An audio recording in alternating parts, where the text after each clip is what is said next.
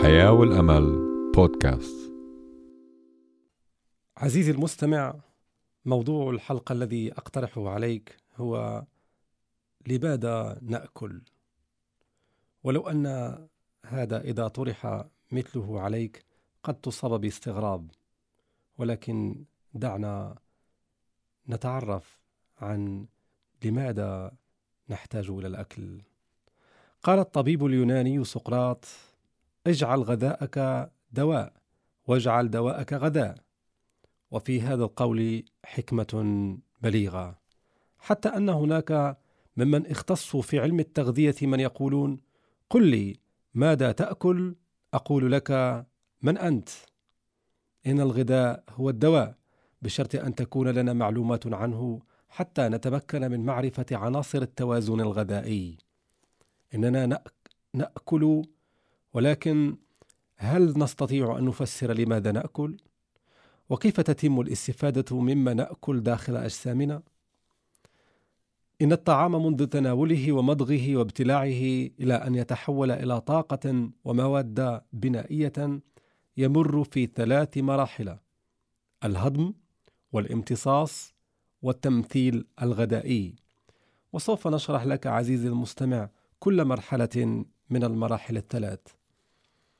أولى تلك المراحل هي الهضم، والهضم هو سلسلة العمليات التحويلية الآلية والكيميائية التي تتعرض لها الأطعمة منذ دخولها الفم إلى حين امتصاصها والاستفادة منها. ثم طرح مخلفاتها الهضمية. إن الهدف من الهضم هو تفكيك المواد الغذائية الرئيسية وهي السكريات والدهون والبروتين إلى مواد كيميائية بسيطة قابلة للامتصاص عبر الخملات المعوية أي الأحشاء الباطنية. ثم النقل مع الدم إلى خلايا الجسم كي تستفيد منها في عملياتها المختلفة. فهيدرات الكربون النشويات والسكريات تتفكك إلى سكر الجلوكوز. والدهون أي الشحوم تتفكك إلى غليسيرين وأحماض دهنية والبروتين يتفكك إلى أحماض أمينية.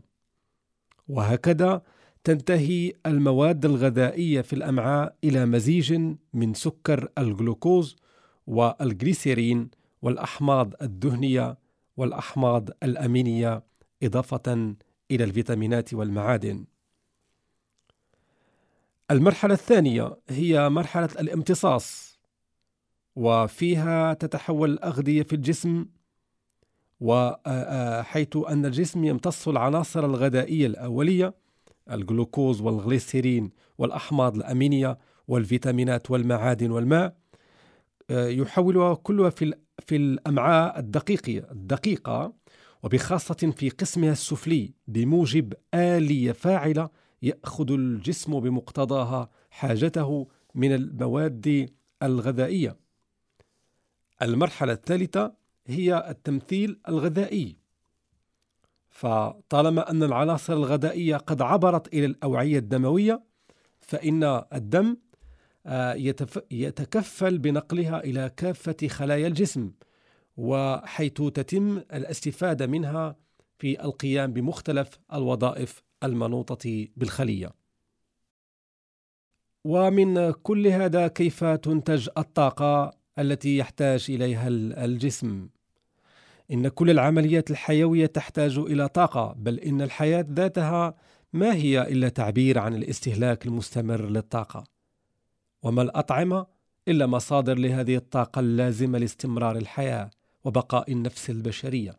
فالشمس هي مصدر الطاقة، والأطعمة تستمد طاقتها منها، وأجسامنا تحول الطاقة الكيميائية الكامنة في الأطعمة إلى طاقة كهربائية تستخدمها في أعمال الجهاز العصبي، وإلى طاقة حرارية تستخدمها في المحافظة على حرارة الجسم وطاقة ميكانيكية تستخدمها في الحركة. وما العناصر الغذائية؟ وهي السكريات والدهون والبروتين المستهلكة سوى محروقات يحرقها الجسم بوجود الأكسجين كي يستخرج الطاقة منها. أما الكربوهيدرات أو هيدرات الكربون آه، المستخرجة أو آه، هي النشويات من الحبوب والسكريات من الفواكه هي أهم محروقات الجسم والاحتراق لتوليد الطاقة يكاد يكون وظيفتها الأساسية. وكل الكربوهيدرات تتحول في النتيجة إلى سكر الجلوكوز في الكبد على وجه الخصوص. ولدى احتراق غرام واحد من الجلوكوز يتحصل الجسم على أربع سعرات حرارية تقريبا. أما الأحماض الذهنية أو الأحماض الدهنية التي تنتج عن هضم الدهون يستخدمها الجسم كمصدر غني من مصادر الطاقة. احتراق غرام واحد منها يصدر تسع سعرات حرارية تقريبا. فإذا أخذ الجسم حاجته من الطاقة الناجمة عن حرق الأحماض الدهنية خزن الفائض منها على شكل شحوم في نسجه أي خلاياه الداخلية. أما البروتين فالمهمة الأساسية له هي المشاركة في عملية نمو الجسم وترميم نسجه أو خلاياه ثم يحرق ما يفيض عن حاجته من الأحماض الأمينية لاستخراج الطاقة منها وأربع سعرات لكل غرام واحد هي تقريبا نفس ما يحتاج إليه إذا أدركت هذا عزيزي المستمع فما هو النظام الغذائي المثالي الذي يمكن أن تستفيد منه؟ ثم كيف يستفيد جسمك من العناصر الغذائية؟ فقد تتساءل ولك الحق في ذلك عن الكمية الضرورية التي يجب أن تتوفر عليها من هيدرات الكربون والدهون والبروتينات والفيتامينات والمعادن. وللجواب على ذلك إليك قائمة تتضمن أو تضمن لك النظام الغذائي المثالي لأنه نظام متوازي.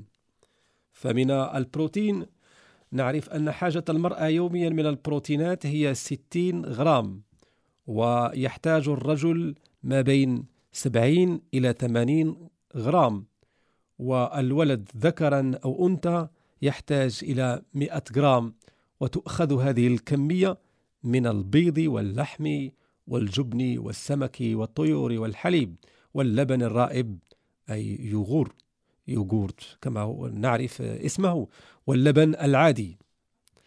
أما هيدرات الكربون فإن حاجة الجسم إليها تتناسب مع نشاطه ووزنه وتؤخذ من الحبوب والخبز الكامل والخضروات والفواكه. وبخصوص الدهون والشحوم يحتاج الجسم منها إلى ما يتناسب كذلك مع نشاطه ووزنه ويمكن الحصول عليها من الزبدة والجبن الدسم والزيوت النباتية. أما الأحماض الكثيفة فتؤخذ من الزيوت النباتية. آه، أما فيتامين أ فيوجد في الفواكه والخضروات خضر آه، والكبد وزيت كبد الحوت. فيتامين بي واحد وبي اثنين يوجد في الحليب وحبوب القمح والأوراق الخضر للخضروات كما توجد أيضا في الخبز الكامل بنخالته طبعا. وفي الكبد. أما ما تحتاج من آه، آه، فيتامين سي فالجسمك آه، يحتاج يوميا إلى كمية تتراوح بين 105 إلى 200 جرام. ويمكن الحصول عليه في الليمون الحامض والفلفلة وعصير الخضروات. ويحتاج جسمك أيضا إلى فيتامين دي الموجود في زيت الكبد. أي كبد الحوت ولا يوجد في الأغذية العادية. أما فيتامين ه فمن من المستحيل تحديد الكمية اللازمة منه للجسم ويوجد في حبوب القمح والخضروات والأوراق الخضر. أما فيما يخص فيتامين ك فإنه يوجد في الخضروات ذات الورق الأخضر. كما أن جسمك آه، عزيزي المستمع يحتاج إلى الأملاح والمعادن ليضمن توازنه الغذائي ويجب أيضا العناية بالأطعمة التي تشتمل على هذه المعادن والأملاح اللازمة للجسم. ونجمل بعض تلك الأطعمة وهي الحليب واللبن الرائب والجبن كما توجد في الأرز وحبوب القمح وفي البرقوق والعسل الأسود والكبد والخضروات ذات الأوراق الخضر والسمك البحري المشبع باليود. إذاعة صوت الحياة والأمل لحياة أفضل.